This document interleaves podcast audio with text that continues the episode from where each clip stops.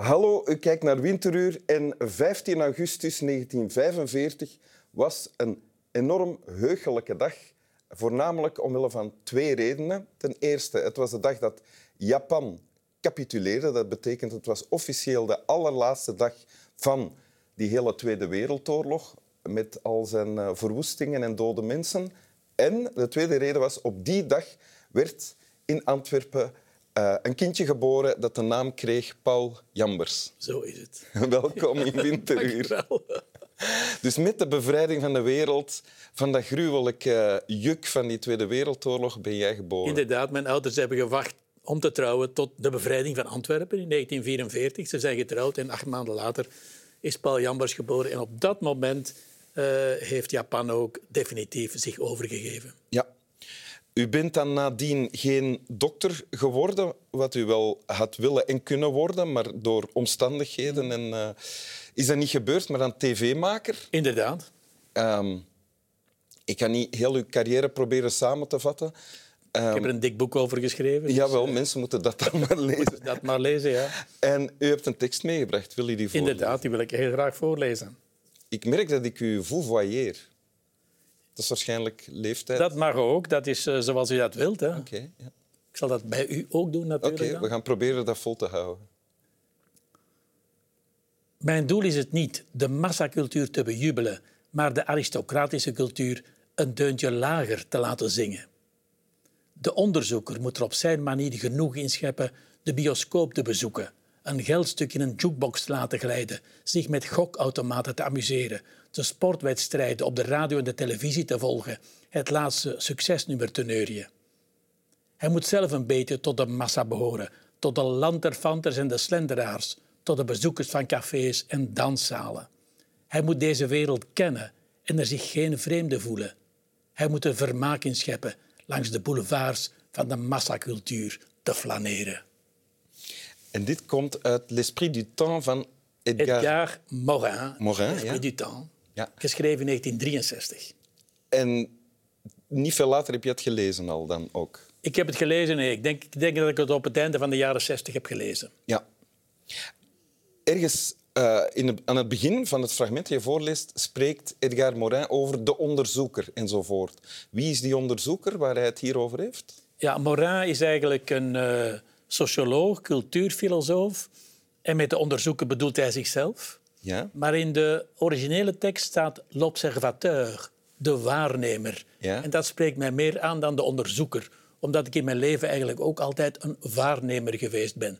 En dit citaat past eigenlijk in mijn hele filosofie die ik ontwikkeld heb als televisiemaker. Maar je las dit toen je nog uh, een jonge twintiger was, toen je nog studeerde? Ik las dit toen ik nog studeerde, of toen ik net afgestudeerd was, las ik dat, ja.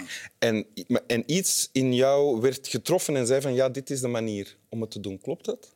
Iets wat mij vooral getroffen heeft, is de visie die Morin ontwikkelde over de massacultuur, de toen zich ontwikkelende massacultuur.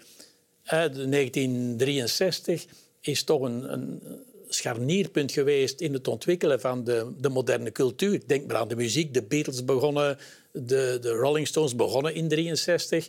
De, de, de popcultuur ontstond. Het massatoerisme begon zich te ontwikkelen. Uh, ook de, de populaire muziek, dat veranderde helemaal. Dat zijn ook dingen die jij toen als jonge man meemaakte. En ik maakte dat mee. Dat ja. was mijn, ergens mijn biotoop. Ik was wel student aan de Filmacademie, maar ik interesseerde me natuurlijk ook voor de populaire cultuur.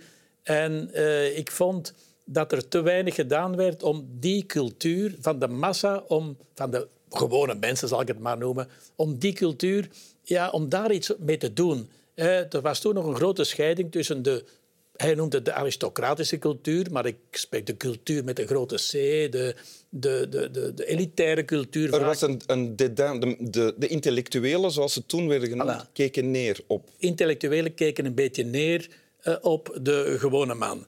Ook de intellectuelen keken niet naar het voetbal bijvoorbeeld. De intellectuelen die, die lazen geen stripverhalen. De intellectuelen die luisterden naar klassieke muziek, jazz eventueel, maar de echte populaire muziek, de, de, de, dat, daar keek men met een zeker dédain naar. En ik vond dat, alhoewel ik natuurlijk een liefhebber van ben van die ook de cultuur met grote C, vond ik toch dat de massacultuur, die ook in de kunst op een bepaald moment een belangrijke rol begon te spelen, in de pop art bijvoorbeeld, waar je Andy Warhol, daar heb je een, bijna een vermenging tussen die massacultuur en de elitaire cultuur. Dus ik vond dat we als tv-makers, als reportagemakers, als documentairemakers, dat we oog moesten hebben voor, hebben voor de cultuur, de gevoelens van de gewone man. Ja. Je weet ook in de massacultuur, in de, in de films, de liefde speelt een grote rol, het geluk. Uh, dat waren dingen die vroeger minder aan bod kwamen, maar het geluk van de mensen speelde een rol. Het toerisme begon op te komen. De mensen beleefden eigenlijk ja, een beetje een droom in de vorm van een week of veertien dagen op vakantie gaan op een in een exotisch oord. Al die dingen waren nieuw en Morin heeft dat op een heel scherpe manier geanalyseerd, en bijna voorspeld. En de jonge Paul Jambers toen, student aan het Rits, ja. wist van dit is de weg die ik wil bewandelen. Dit is de juiste weg. Wat je dan ook hebt gedaan nadien. Ja, ik... Uh...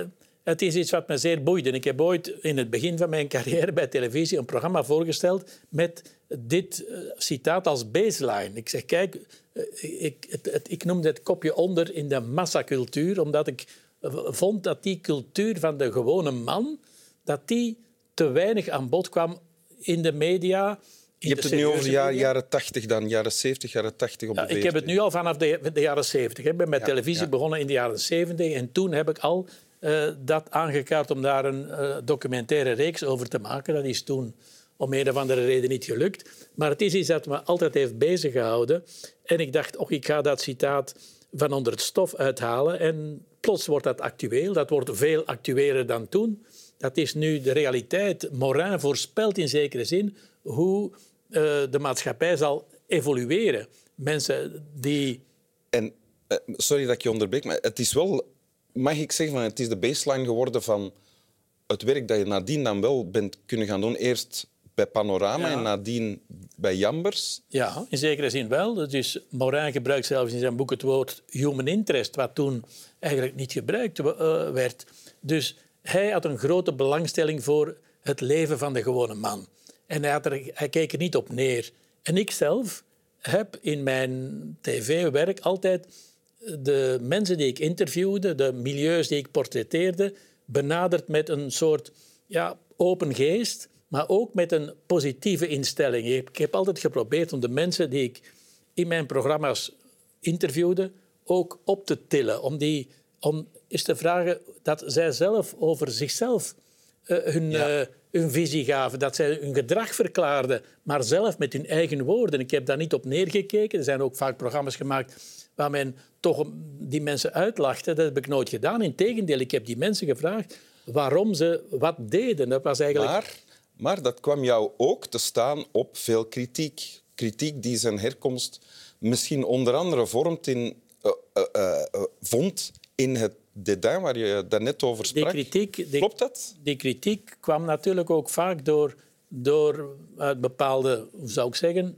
moeilijk, moeilijk om dat te omschrijven. Wat, wat, wat Morin zegt, de aristocratische cultuur. Dat, die kritiek kwam vaak van mensen die misschien toch een beetje neerkeken op uh, de gevoelens van de gewone man en die mij verweten dat ik ja, vaak mensen, marginale mensen opvoerde. Maar de gevoelens, ik ging ervan uit, de gevoelens van een marginale persoon of van een marginale mensen, van mensen die aan de zelfkant van de maatschappij leven, die gevoelens, geluk, liefde, armoede, rijkdom, ziekte, ja, dat heeft niks te maken met sociale klasse. Dat heeft vaak te maken met de levensomstandigheden. En ervoer jij dat dan als kritiek van snobs? Oh, eigenlijk... God, ja, ik, is dat te kort door de bocht? Dat is te kort door de bocht. Hè. Ik behoor zelf ook een beetje tot... Ik vond ook dat tot de intellectuelen behoorde, in zekere zin. Ik hield ook van, van, van de, de, echt, de, echt de cultuur in de zin van... Uh, ja, maar jij bent een arbeiderszoon die niet die geen geneeskunde is gaan kunnen studeren, omdat hij een arbeiderszoon was. Dat is een heel verhaal dat we nu niet Dat verhaal ga ik je nu niet doen. Maar ik ben door omstandigheden natuurlijk niet, niet kunnen eh, de geneeskunde studeren. Dat, dat interesseerde mij op dat moment. Ik ben dan iets anders gaan studeren. Maar goed, dat heeft nu geen belang. Ik ben tenslotte in de filmschool terechtgekomen. En ja, ik, mijn eerste bedoeling was om, om fictiefilms te gaan maken. En dan er werd in die tijd, in de jaren 70, werden er nul Vlaamse films gedraaid. Hè. In 1970 werd geen enkele Vlaamse film gedraaid. Dus je kon als filmmaker niet aan de bak komen. Ik ben daar met televisie terechtgekomen. En daar heb ik ontdekt dat de werkelijkheid vaak veel uh, verrassender is dan de fictie. En zo heb ik mij echt op die human interest verhalen gegooid, die persoonlijke verhalen, die intussen algemeen journalistiek aanvaard zijn. Iedere krant, ieder televisieprogramma uh, of iedere zender, van Canvas tot, tot, tot uh, VRT, VTM, de, de, de, de kranten, de, de, de, ja. De, de, wat Dit is ondertussen evident geworden wat hier evident. staat. Ja. is evident geworden. Inderdaad, wat hier staat is evident, wat een goede zaak is. Ja, en misschien heb jij er wel aan meegewerkt, aan het mee evident maken daarvan. Wel, ik heb in ieder geval de publieke discussie gevoerd en dat heel graag gedaan. Ja. Wil je het nog eens voorlezen, het fragment? Mijn doel is het niet de massacultuur te bejubelen, maar de aristocratische cultuur een deuntje lager te laten zingen. De onderzoeker, de onderzoeker, de waarnemer, moet er op zijn manier genoeg inscheppen de bioscoop te bezoeken, een geldstuk in de jukebox te laten glijden, zich met gokautomaten te amuseren, de sportwedstrijden op de radio en de televisie te volgen, het laatste succesnummer te neurien. Hij moet zelf een beetje tot de massa behoren, tot de lanterfanters en de slenteraars, tot de bezoekers van cafés en danszalen. Hij moet deze wereld kennen en er zich geen vreemde voelen. Hij moet er vermaak in scheppen langs de boulevards van de massacultuur te flaneren. Dank u. Heel graag gedaan. Slap wel. Lanterfanters.